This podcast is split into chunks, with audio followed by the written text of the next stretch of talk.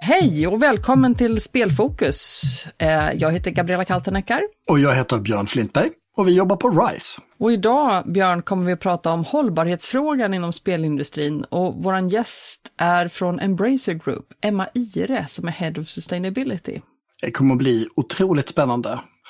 Jag hoppas att de flesta av våra lyssnare känner till Embracer, men det är ju ett otroligt stort bolag, Sveriges största i sin bransch och eh, de har verkligen eh, från med Karlstad som eh, startyta eh, erövrat hela världen med sina många, många spel. Så det ska bli väldigt roligt att höra hur, hur Emma eh, har det på jobbet och vilka perspektiv hon har utifrån sin horisont från, från eh, det här stora bolaget. Det ska bli oerhört kul och särskilt inom ett område som är så pass komplext som ändå hållbarhet är. Vi jobbar ju mycket på RISE med olika aspekter av hållbarhet i många branscher.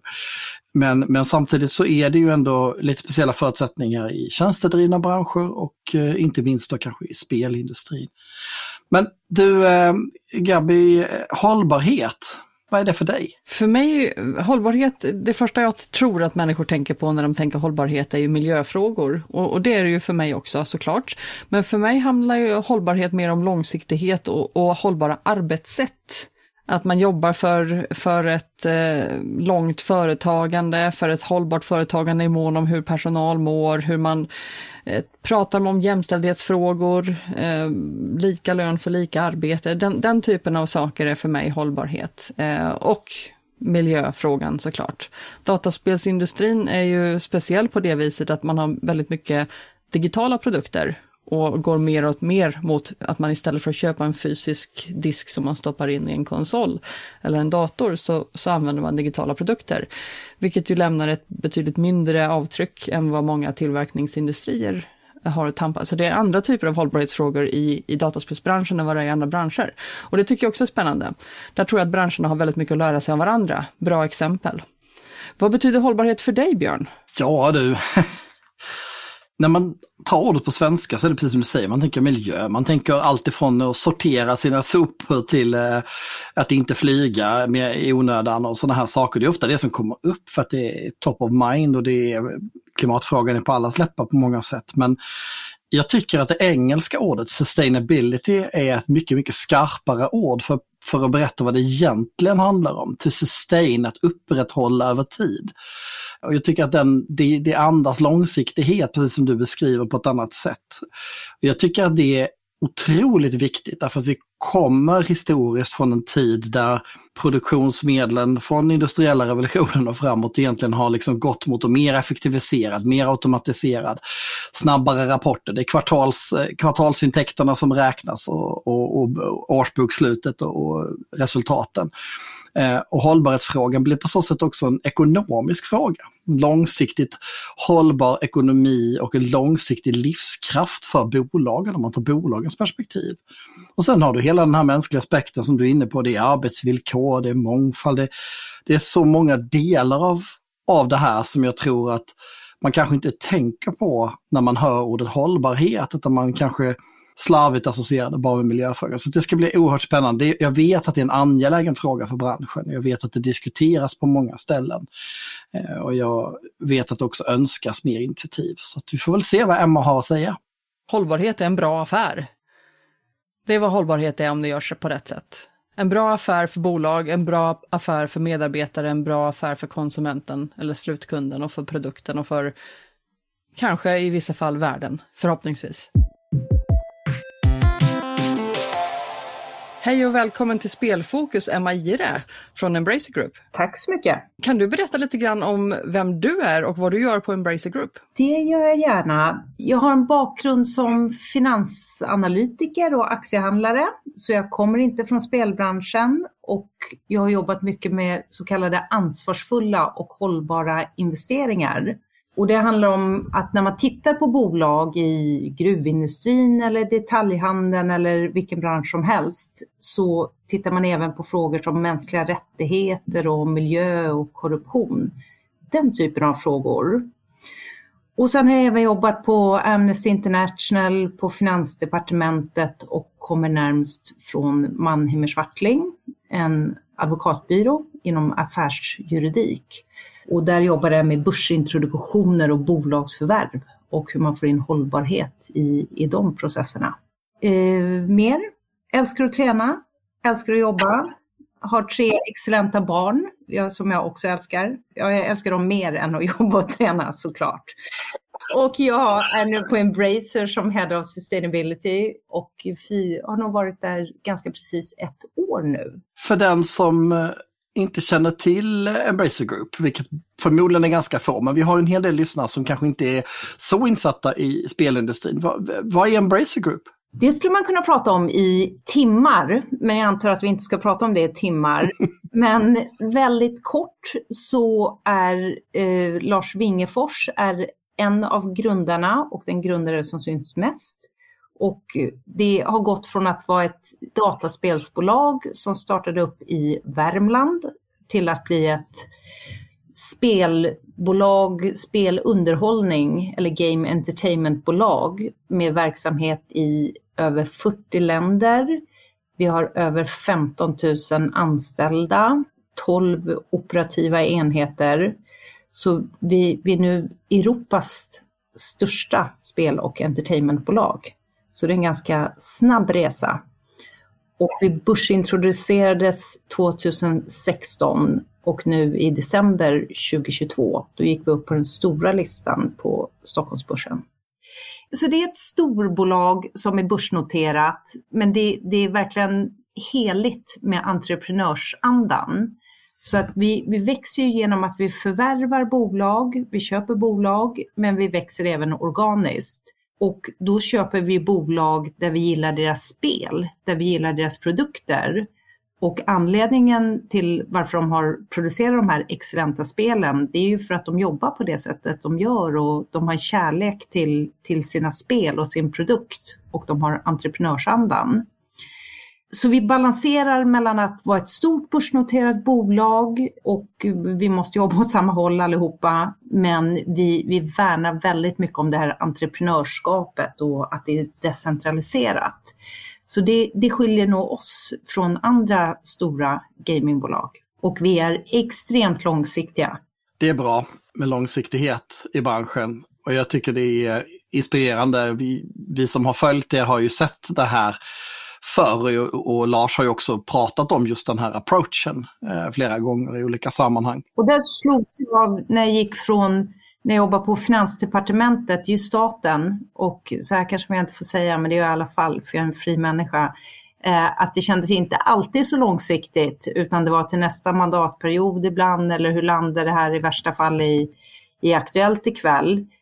Sen var det långsiktigt arbete också, medan nu i, i privata sektorn och eh, väldigt mycket hos Embracer så är det långsiktigt tänk.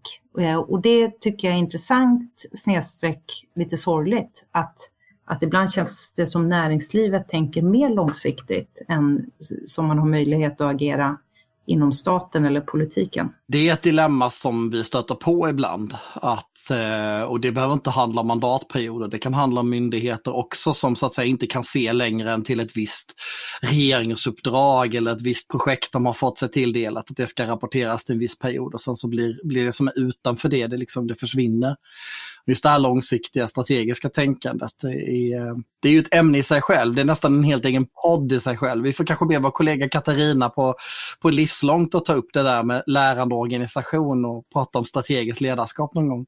Men eh, idag så ska vi prata mycket om hållbarhet.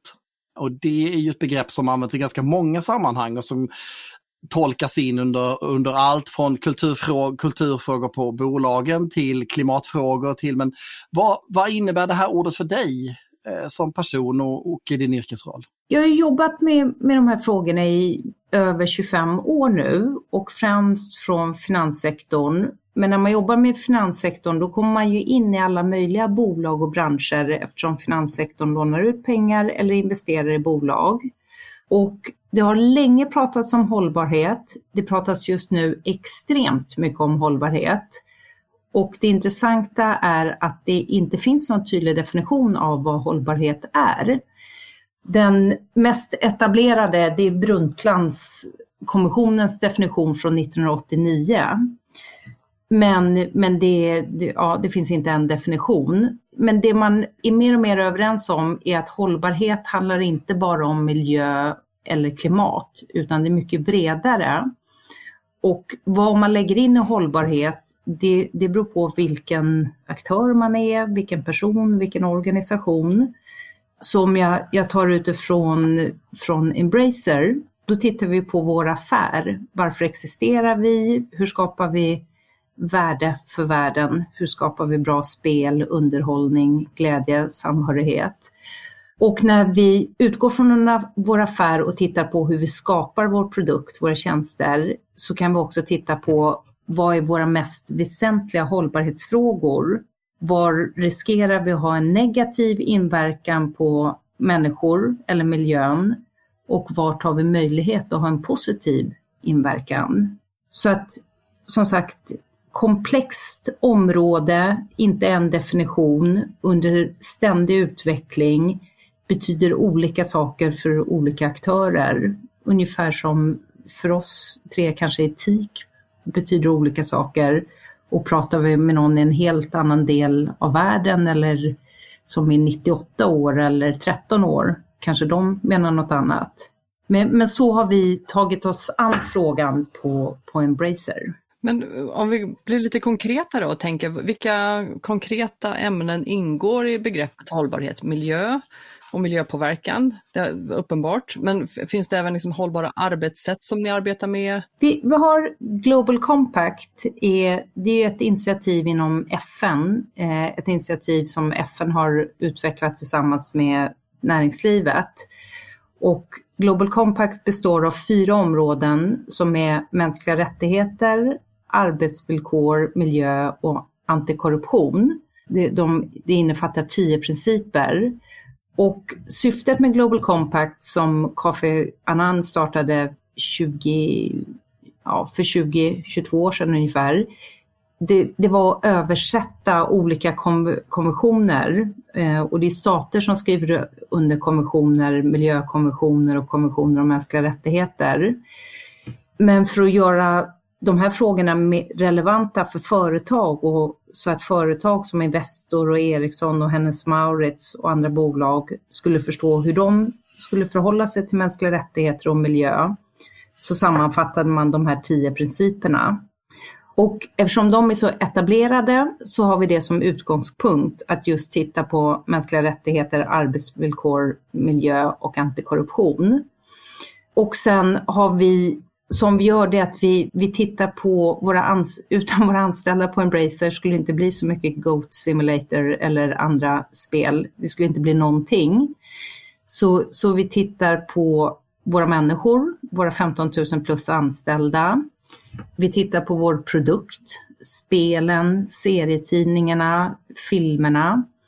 Och sen så tittar vi även på miljö eftersom alla har ett ansvar för miljön. Och då har vi inom de här tre olika grupperna, människorna, produkten och planeten eller miljöet, identifierat de mest väsentliga frågorna. Hur ser det där arbetet ut liksom rent konkret? Alltså när, när ni jobbar, vad, vad är det ni gör då? Alltså på vilket sätt tar ni er an det här? Jag tänker ni har ju många, många bolag i, i koncernen. Liksom hur, tar ni fram standarder eller pratar, är det dialogforum? Eller vad, hur, hur, ser liksom, hur ser arbetet ut i vardagen? Först har vi identifierat de mest väsentliga frågorna och då handlar det om mångfald och inkludering bland de anställda men även i spelen. Det handlar om arbetsvillkor och som ni vet så är ju fackföreningar på frammarsch i branschen. I Sverige är det ju inte en lika stor fråga eftersom vi haft starka fackföreningar länge. Men tittar man internationellt så är det stort fokus nu på arbetsvillkor för anställda i spelbranschen. En annan väsentlig fråga är hälsosamt spelande. Och det, det handlar ju självklart om att inte spela för mycket eller hur svagare grupper eller yngre spelar. Hur man agerar på olika forum etc. Så att vi, vi har har identifierat de 10-15 av våra mest väsentliga frågor. Sen så är det ju, som jag var inne på tidigare, den här balansen mellan centralisering och decentralisering.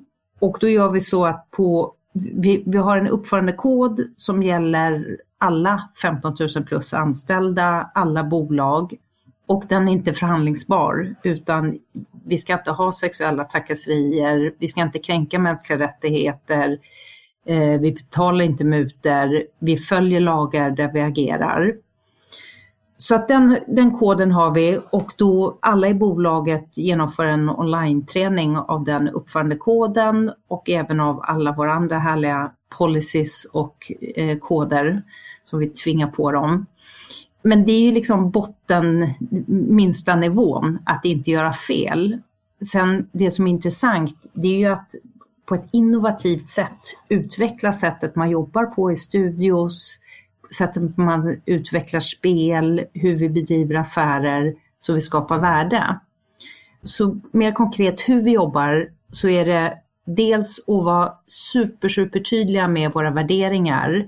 Och det, det är basic men ändå viktigt att upprepa att all mänskliga rättigheter, alla likas värde, att man får vara olika, att vi följer lagar, den biten och sen säkerställa att, att man inte gör fel, eh, att man inte bryter mot, mot olika regler.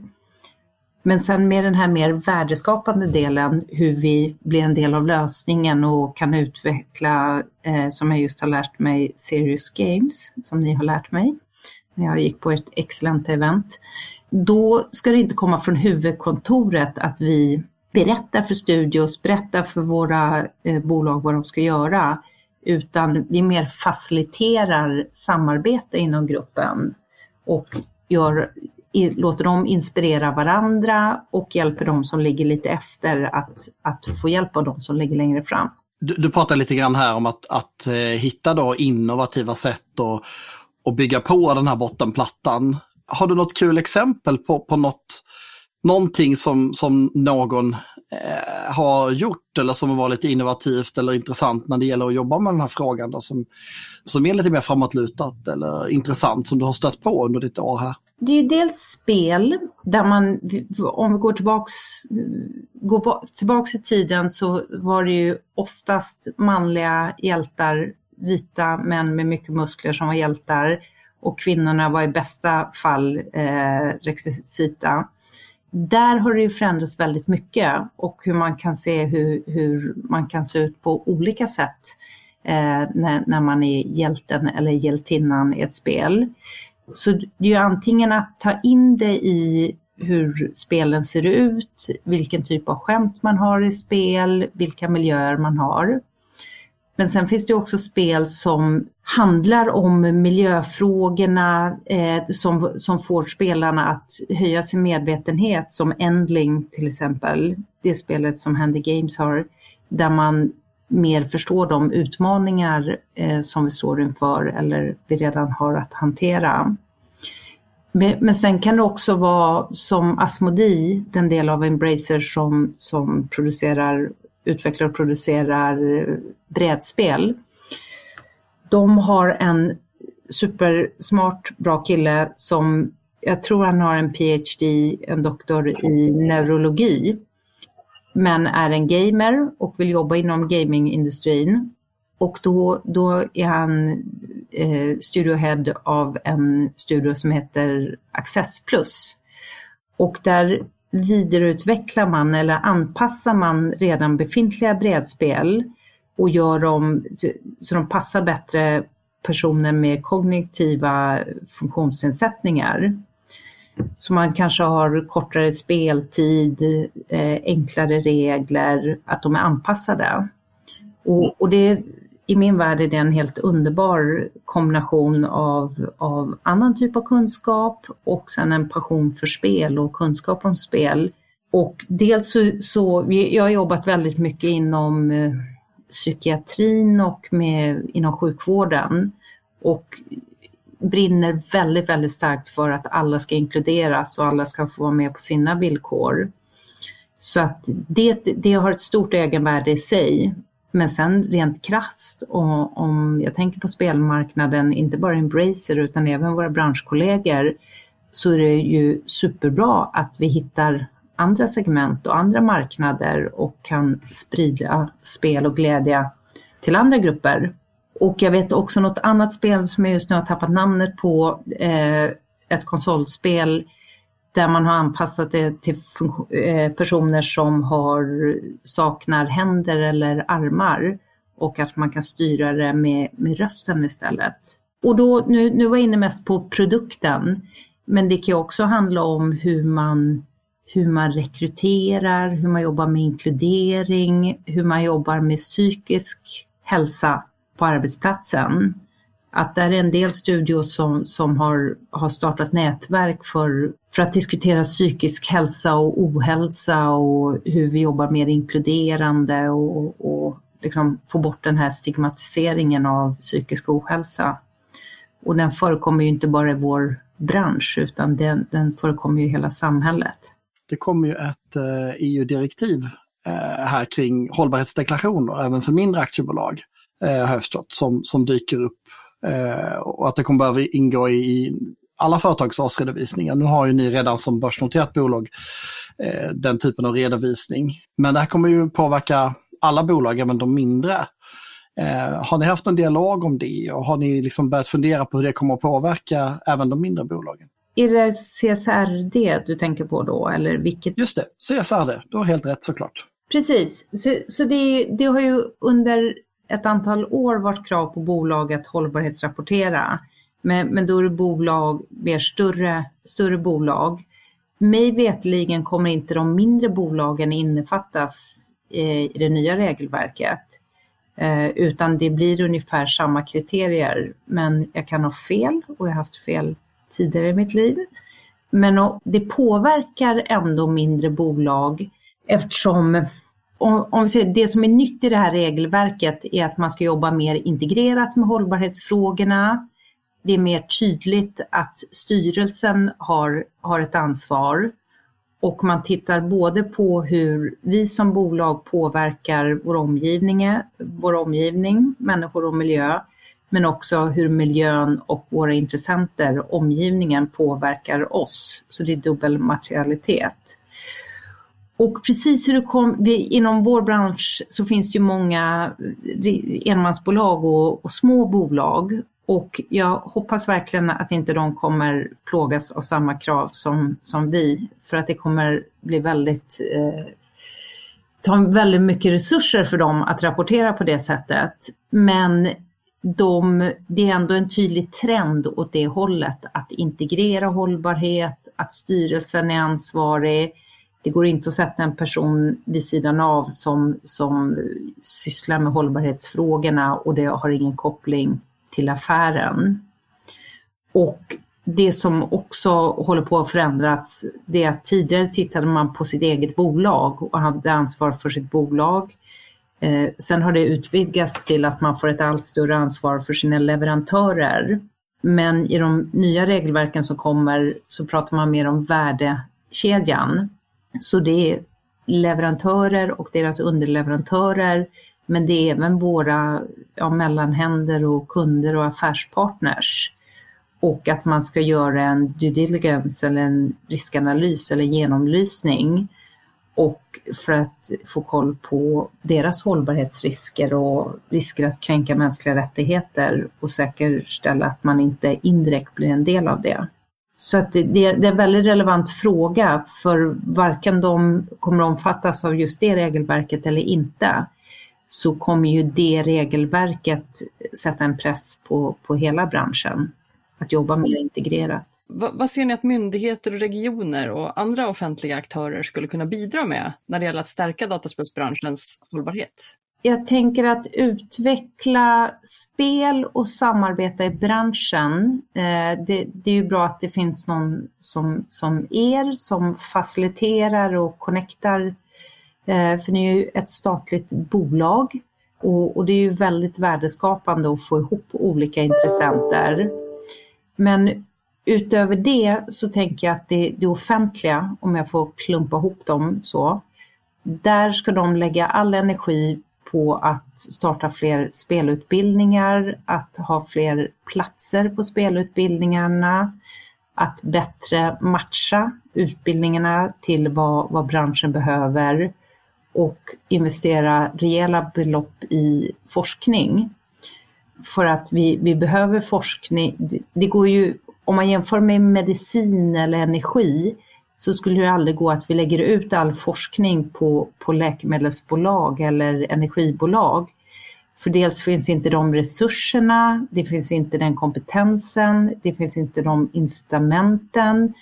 Och sen skulle det kunna bli lite skev forskning också om det är ett visst läkemedelsbolag eller energibolag som genomför forskningen så trovärdigheten i det minskar ju. Så här är ju verkligen en common good eller där, där man ska där pengarna ska komma från staten och det gynnar hela branschen och det gynnar Sveriges konkurrenskraft. Så det kommer jag skicka in. Det är långt till jul så att jag tänker inte vänta till önskelistan till julafton utan jag skickar in den som en januari-önskan till staten. Det tycker jag låter klokt och det, det förstärker ju bara det som står i rapporten vi nyligen släppte. Kompetensbristen, mer platser, pengar till forskning. Något annat jag tycker man missar, det är förmodligen, jag tror inte det är en ovilja, men, men det är viss okunskap ibland från politiker och, och det offentliga. Och nu tycker jag, ibland blir spel inte ens en del av svensk politik. Att det inte kommer in som, det, vi, vår bransch bidrar ju till BNP, till vår konkurrenskraft, arbetstillfällen, skatteintäkter men, men det är liksom inte med som ett område inom svensk politik. Så det är något jag också skulle önska att det, det fick en större status i fel ord, men, men sitt rättmätiga utrymme. Jag delar ju helt den bilden. Den, den, den har vi ju också sett. Och jag skulle säga att den spiller över inte bara i politiken utan det får ju ringa på vattnet. Det är samma sak när det ska skapas nya utlysningar till exempel, när det ska skapas forskningsutlysningar, när det ska tilldelas kulturmedel och så vidare, ända ner på, på regional nivå ibland. Utom just då såklart på de orter och regioner där man redan har sett det här, där man redan har ett starkt samarbete när vi pratar om, om forskningssidan, så, så håller jag med om att det behöver det satsas mer pengar. Eh, men en sak som lärosätena ofta tar upp eh, när vi pratar med dem är ju att de vill ju ha tätare samarbete med industrin och har väl själv identifierat att man rör sig inte riktigt i samma hastighet som privata sektorn. Det är man väl högst medveten om. Men jag tänker att att inom området hållbarhet finns det ju ganska mycket forskning. Så att säga, ser, ser du att, att Forskning Sverige skulle kunna liksom göra saker eller bistå eller på olika sätt samarbeta med industrin just inom området hållbarhet?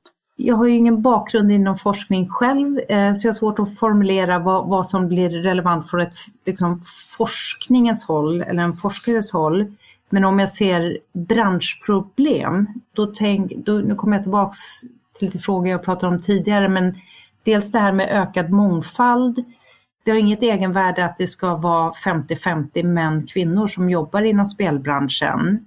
Utan mångfald är ju så mycket mer än könsbalans och det, det det handlar om är att det ska återspegla den tid vi lever i och de, de som nyttjar våra produkter och tjänster. Och där tycker jag att det, det ibland, ibland hamnar vi i att vi säger att det, marknaden löser det här själva det är så här det ser ut. Då får, får tjejerna eller kvinnorna eller de som ut, liksom, består av mångfald, eh, de får väl söka eller försöka och skulle de vara duktiga skulle, skulle de komma in. Det är ena extremen. Den andra extremen är att man börjar kvotera och tvinga in och det blir inte heller bra för, för då kommer man in av fel anledning och det blir kontraproduktivt. Så något jag gärna skulle vilja att man tittade mer på det är den här vad är mångfald för vår bransch? Och bredda den från att bara prata kvinnor och män utan mångfald i, om man akademiker, föräldrar, ålder, vilket land kommer man ifrån? Och ännu mer inkludering för att att rekrytera eh, mångfald men sen inte nyttja mångfalden, det, det, är inte så smart. Och det kommer sluta med att de börjar jobba på, på ett företag och så är det 49 män som är 20 år och eh, jag inkluderas, då kommer jag på marginalen bidra med massor. Men om jag inte inkluderas, då kommer jag sluta efter ett tag och, och säga det där var inget roligt gäng. Eh, och de kommer säga det där var ingen rolig kvinna vi hade inne. Så det är någonting, jag tror man, man skulle kunna göra det lite mer sofistikerat eh, än som vi nu bara mäter balansen män, män kvinnor, eller mest det. Jag tycker också det, här hur, hur vi skyddar när det är, är kvinnor blir utsatta inom spel, i chattar eller på communities eller det är fler och fler pedofiler som söker sig till spelvärlden. Eh, det kanske är mer barnspel, ungdomsspel, men att skydda barn som spelar eller skydda ensamma personer, ensamma unga, ensamma barn som är väldigt mottagliga för bekräftelse. Och då ska vi självklart skydda dem, men det är också intressant att, att göra något åt roten till den mobbningen eller grooming eller vad det är som pågår. Så det handlar inte bara om att skydda personen som mobbas eller utsatt, utsätts utan också roten till det hela. Det är inte någon lätt fråga, men, men det handlar ju dels om människor, det handlar om vårt ansvar som människor, men det handlar också om branschens rykte. Och sen något annat jag tänkt på som är intressant tycker jag den här kreativa konstnärliga friheten. Att vi, vi kan inte bara göra göra politiskt korrekta spel eller smurfspel utan det, vi, vi tycker det är spännande med, med snygga killar och tjejer och färgstarka människor och våld. Annars skulle det inte sälja så mycket. Å andra sidan finns det ju en gräns för vad som får vara historien och vad som får innefattas i ett spel. Och om man, om man liksom ska ta extremen så skulle ju in, inget spelbolag utveckla ett spel där en, en pedofil jagar små barn. Det, det, skulle ingen av oss tycka var, var lämpligt. Eller, eller som har väldigt grovt rasistiskt innehåll där en vit person jagar svarta personer. Det är ju det är liksom över gränsen. Men vart går gränsen? För, för jag tror heller inte på att allt ska vara liksom politiskt korrekt och lagom. Eh, för om vi tittar i, i film och litteratur och konst så ska det vara konstnärlig frihet och spelindustrin är en näring men det är kultur också. Och vi, vi har yttrandefrihet som vi så väl vet. Och det, det ska inte vara reglerat för då dör det och då blir det istället utbildningsspel. Så det området forskas det säkert, säkert kring men där tänker jag också att den, den etik som gällde på 50-talet och den praxis och vad som var lämpligt och hur kvinnor och män framställdes i reklam eller hur man, hur man liksom skrev tidningar, det är ju inte samma som gäller 2023. Så vi, vi måste, branschen måste följa med utvecklingen och uppdatera oss.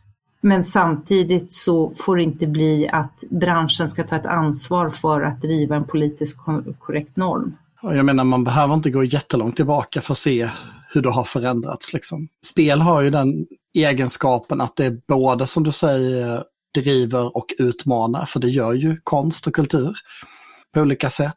Testar nya sätt att tänka. Som det här spelet som jag inte heller minns vad det heter som är up and coming nu med, med eh, där man har andra persons perspektiv och man styr, eh, styr en annan person genom, genom teddybjörnen. Men det är också som all annan kultur en spegling av vår samtid, av de ämnen som är aktuella så att säga. Och där, där tänker jag, man går tillbaka på advokatbyråer på 80-talet, då fick kvinnliga biträdande jurister som var gravida, de fick inte träffa klienter för att det såg oanständigt ut, vilket är komiskt i sig. Då tänker jag var alla andra oskulder på hela byrån. Så, så det är ju konstigt. Och jag, när jag gick på lekis, då, då när vi skrev vykort hem, då skrev vi till, ska jag skicka till min mamma så skrev jag fru Rolf Ira. Eh, så det är ju under, under min livstid. Och då tänker man att barnen nu som går på förskolor, de skulle inte skicka vykort till sina mammor där det stod pappans förnamn och efternamn och fru innan. Så, så vi måste ju liksom, det förändras, så vi, eller ord vi använder som en del kan ju hålla fast vid det och säga att vi har alltid sagt så här, varför kan vi inte säga så här fortsatt? Nej, för det ändrar sig. Och samtidigt så, ja, men det var lite, det, det, jag tror det finns otroligt mycket spännande att forska kring, men, men jag tänker det är några av de frågorna som, som gäller hela branschen. Och det är viktiga värden, den kreativa friheten är superviktig, men etiken är också, viktig. Vi, vi, jag är inte så mycket för massa regleringar och lagstiftning. Och samtidigt så måste vi skydda barn och unga och, och personer som har svårare att liksom med omdömet kring vilka de spelar kring. En annan sak som jag funderat på, det är ju, och som jag sprungit på vid ett antal tillfällen, det är ju att man ofta pratar om vilken nytta spel kan göra i andra sammanhang så att säga, utanför sin egen bransch, serious games och så vidare. När du tittar på hur ni jobbar, ni jobbar decentraliserat, eh, den kreativa drivkraften är stark och så vidare. Och så tittar man på traditionella industribolag eller traditionella verkstadsföretag och så vidare. Vad, vad skulle ni kunna lära den traditionella industrin genom ert sätt att jobba tror du? Och vad skulle de kunna lära er? Finns det något utbyte där att hämta mellan den här ganska moderna eh, branschen som det här ändå utgör och mer traditionell industri? Det är en superspännande fråga, verkligen. Som jag ser det är spelbranschen å ena sidan väldigt mogen i hållbarhetsfrågan, å andra sidan ganska omogen. Och på det sättet spelbranschen är mogen är att om man startar ett spelbolag så utifrån min kunskap om branschen så är det få som startar ett spelbolag för deras främsta mål är att tjäna massor av pengar eh, eller få en fin titel. Utan man spelar det för man har en passion för spel, man vill liksom sprida det här spelet till andra, man vill skapa värde.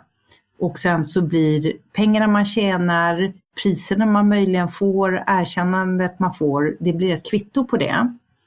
Så eftersom det ofta är drivkraften, eh, då måste man tänka och agera långsiktigt. Att man bryr sig om sina anställda, man bryr sig om sina samarbetspartners, man är intresserad av att spelarna inte bara köper spelet en gång utan även i framtiden. Och det tänket är ju egentligen samma sak som hållbarhet, att, att man gör bolaget hållbart. Och fokus är att skapa värde för olika intressenter, inte att tjäna pengar. Så det tror jag att den, den traditionella industrin eller mer, mer liksom andra verkstadsindustrin och andra typer av branscher eh, skulle kunna lära sig av, av spelbranschen. Att, att ha mer den här liksom, fokus på värdeskapande och tjäna pengar är kvittot. Och i det ligger ju en väldig långsiktighet.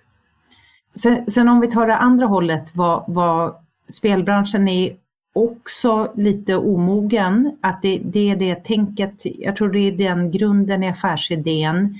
Det är många som jobbar i spelbranschen som har starka och goda värderingar.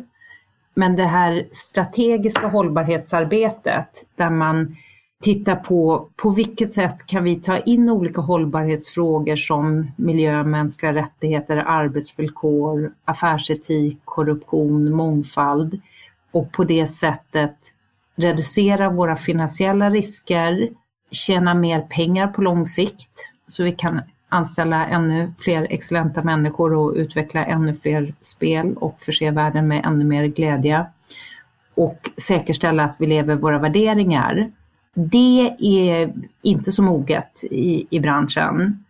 Så där, utan antingen så bara driver man på bolaget och är bra personer som jobbar där och det blir ganska bra därför. Eller i vissa fall när, när bolag har blivit större och kanske kommit längre från den här passionen eller vissa som styr bolaget då har ju uppstått vissa incidenter med sexuella trakasserier, med dåliga arbetsvillkor. Och då, då blir det ganska reaktivt att man agerar för något har redan hänt och det blir fokus på incidenter. Och det kan ju vara ett bra sätt att sätta igång arbetet men, men man skapar oftast inte ett värdeskapande strategiskt arbete baserat på incidenter.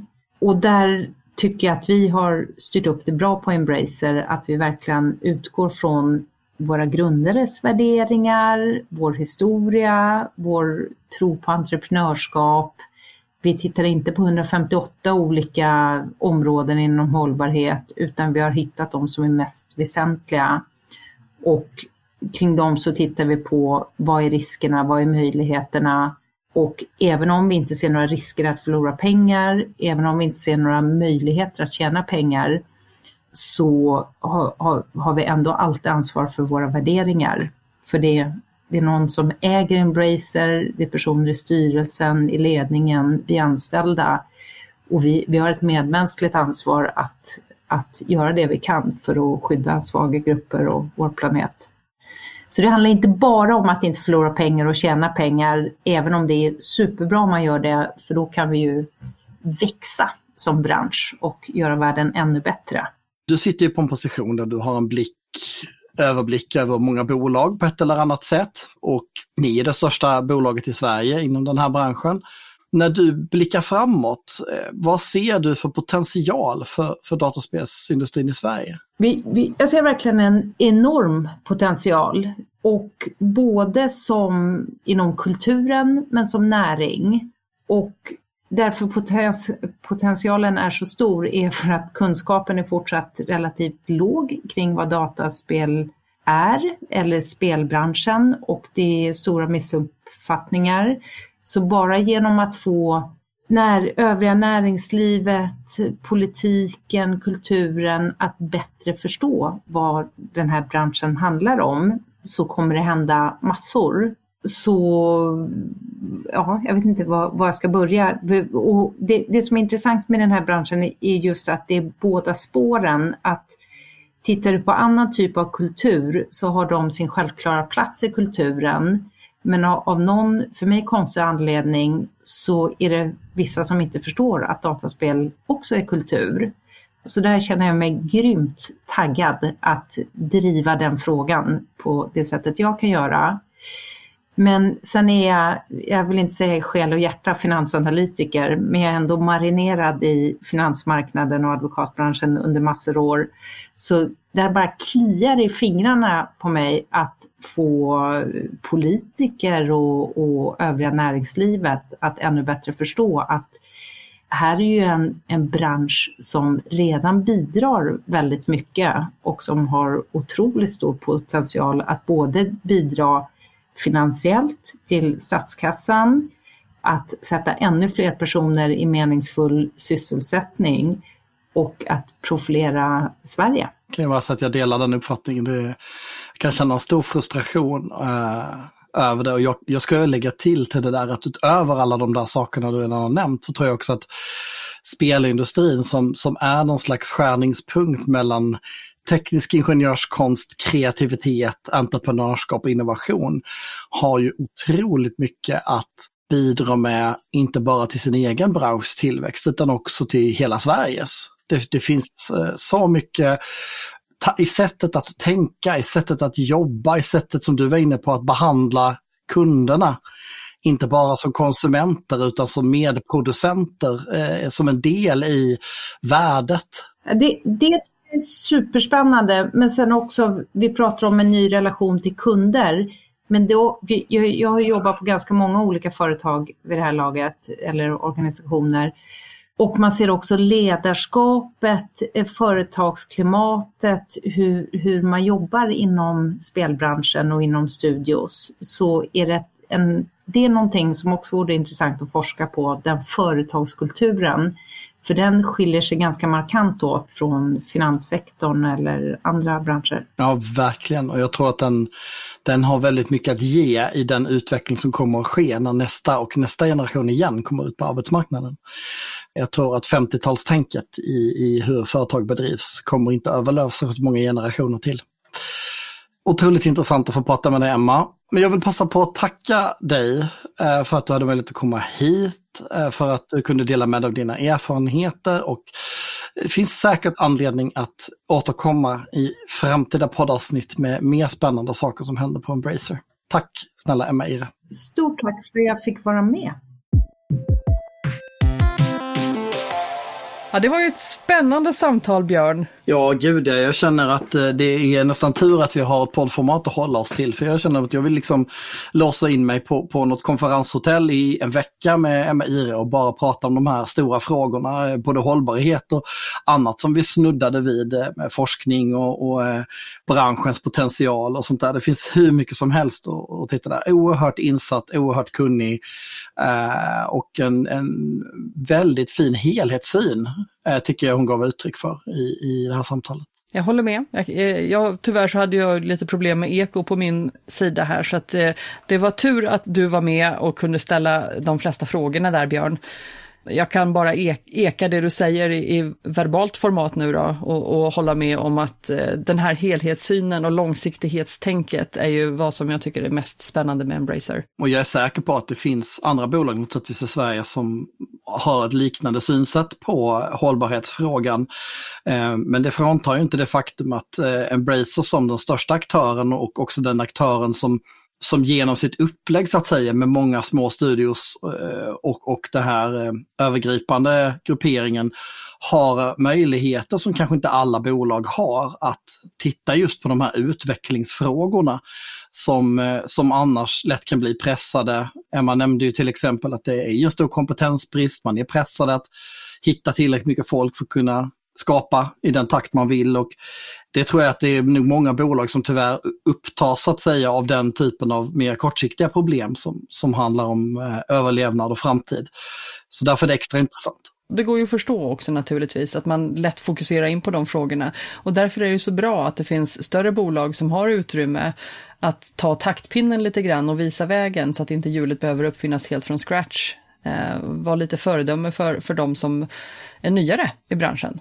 Och jag tycker också det som Emma tog upp med eh, den här legitimiteten att det fortfarande saknas i mångt och mycket legitimitet i, från politiskt håll. Jo, men så är det och det är, det är en fråga som vi också har identifierat i, i, i det arbetet vi har gjort här under föregående året och i, i den rapporten vi, vi släppte nyligen som en av de fem viktiga frågorna. Det finns en uppenbarligen en alltför begränsad och eh, snäv syn och kanske lite historiskt färgad syn på vad spel är när man tar upp, citat, tar upp spel som GTA och, och, eh, och sådär. Och det, det finns mycket att göra på den här fronten, både lokalt på orter där det finns kanske bolag som vill satsa men man ännu inte har fått med sig kommun och andra resurser så att säga för att kunna göra det. För vi, ska, vi ska komma ihåg det att den här branschen kan inte existera i ett vakuum det räcker inte bara att ha bolag och sen så vips så blir det pengar. Utan ska man få den här långsiktigheten som vi pratade om i försnacket, sustainability, så är faktiskt också det som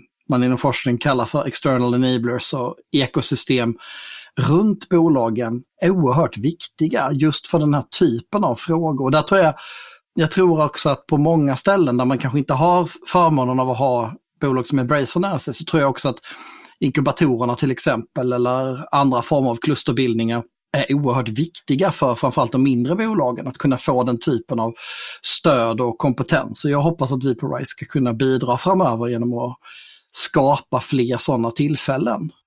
I och med att det finns så mycket att göra inom det här området och det finns så många aspekter av hållbarhet att jobba med så, så ser jag framför mig att vi ska försöka kroka arm med olika aktörer eh, runt om i landet. Eh, där vi kan se att, att det både finns behov och vilja till förändring. Eh, det här är ett arbete som inte kommer att sluta någonsin utan som kommer att fortgå därför att världen utvecklas och samhället utvecklas och det innebär att behoven kommer att förändras. Vi har inte samma frågor kring varken arbetsvillkor, jämlikhet eller miljöfrågor på bordet idag som vi hade för 20 år sedan. Eh, och säkerligen kommer vi också ha andra frågor om 20 år. Ja, jag går tillbaka till småföretagarperspektivet där jag, och, och det här begreppet liksom att hållbarhet är en bra affär. Allting som gör att jag kan få lättare att driva mitt bolag borde jag vara intresserad av som företagsledare. Ja, men så är det ju. Eh, det finns många bolag i Sverige som jobbar väldigt stenhårt med de här, inom dataspelsbranschen, med de här hållbarhetsfrågorna eh, när det gäller jämlikhet, mångfald. Jag tycker mångfald är ett bättre ord än jämlikhet för att mångfald Eh, underförstått att jämlikhet ingår i det konceptet. Men mångfald ger ju också, tycker jag, eh, en större chans till att få fram en bättre produkt. Det blir inte lika samma som alla andra har gjort. Lika samma innebär en större konkurrens på marknaden. Nytänk innebär en större chans för att få en bättre, eh, bättre produkt. tror jag. Och det, det ingår i det här hållbarhetskonceptet. Absolut. Och det gör ju också att det finns ju bolag naturligtvis och vi hörde några exempel här från Emma då som, som så att säga helt och hållet inriktar sig på att göra spel eller skapa eh, varianter på spel som är direkt riktade mot målgrupper som är underrepresenterade. Men eh, precis som du säger, det här är ju en fråga om en god affär för alla, så egentligen borde alla bolag försöka att hitta lite tid i sina scheman för att titta på de här frågorna. Om man inte redan gör det idag. För jag tror att det är en fråga som kommer att bli viktigare snarare än mindre viktig ju mer tiden går. Vi kommer att se hur samhällets förändring eh, går i en sån riktning att det blir omöjligt att, att ignorera den här typen av frågor. Vi ser nya generationer växa upp som har andra värderingar, som aldrig har varit med om industrisamhället och, och, och den sorts produktionslinebaserade sättet att tänka i arbetslivet, utan som tänker nätverk, som tänker långsiktiga värden. Eh, och vad händer när de växer upp? De som, ja, men som min son som är åtta idag, vad händer när han ska ut i arbetslivet? Vad har han för syn på saker, om hur saker och ting borde funka? Hur kommer han att forma framtidens bolag och hans generation? Och det är ju lite grann den här fina eh, ordspråket att man planterar ett träd under vars skugga man aldrig kommer att få sitta. Mm det är ju ett långsiktigt tänk, det är ju ett hållbart tänk. Och, och vad, vad, är det vi lämnar efter oss? Är det här någonting som är bra för the greater good, för världen, för, för våra barn, för, för de som kommer efter oss? Ja men så är det ju verkligen. Och där, om man nu får, får ta en liten filosofisk ståndpunkt på det, så skulle jag säga att spel i sig, som fenomen, är också en del av ett större hållbarhetstänk samhällsmässigt. Mm. Alltså jag får ju ibland höra att, att spel är bara underhållning och spel är bara nöje och tidsfördriv och sådär. Och det kan jag, jag det vänder sig i magen när jag hör det för att för det första finns det hur mycket forskning som helst som visar att det är otroligt viktigt för oss människor som individer, som biologiska varelser, att uppleva glädje och samhörighet på olika sätt. Och det kan man göra på väldigt många sätt. Man kan vara med i fotbollsföreningen fotbollsförening eller man kan hitta andra sysslor. Men spel har ju visat sig att vara en otroligt bra faktor på att både massera hjärnan och träna olika typer av förmågor som är allmängiltiga. Samarbete, problemlösning och så vidare men också samtidigt skapa glädje och roliga erfarenheter och spänning eh, och utmaningar på ett lagom sätt. Så att jag, tror att, jag tror att spel har en större del i, i vår samhällsframtid än vad jag tror kanske många inser. Och går vi tillbaka till legitimiteten där, du säger en sak som jag reagerar på. Eh, man, kan, man kan få den här kicken som person, som individ, den här, den här hälsokicken genom att idrotta till exempel. Vad är det för skillnad då på idrott och dataspel? Den ena är en fysisk, en, en, vad säger man, en fysisk hälsobenefit, det andra en kanske mer mental hälsobenefit. Och det finns potential för gott och ont i båda genrerna, men det ena har en långt mycket, universalt mycket mer, legi, större legitimitet än vad dataspelsbranschen har.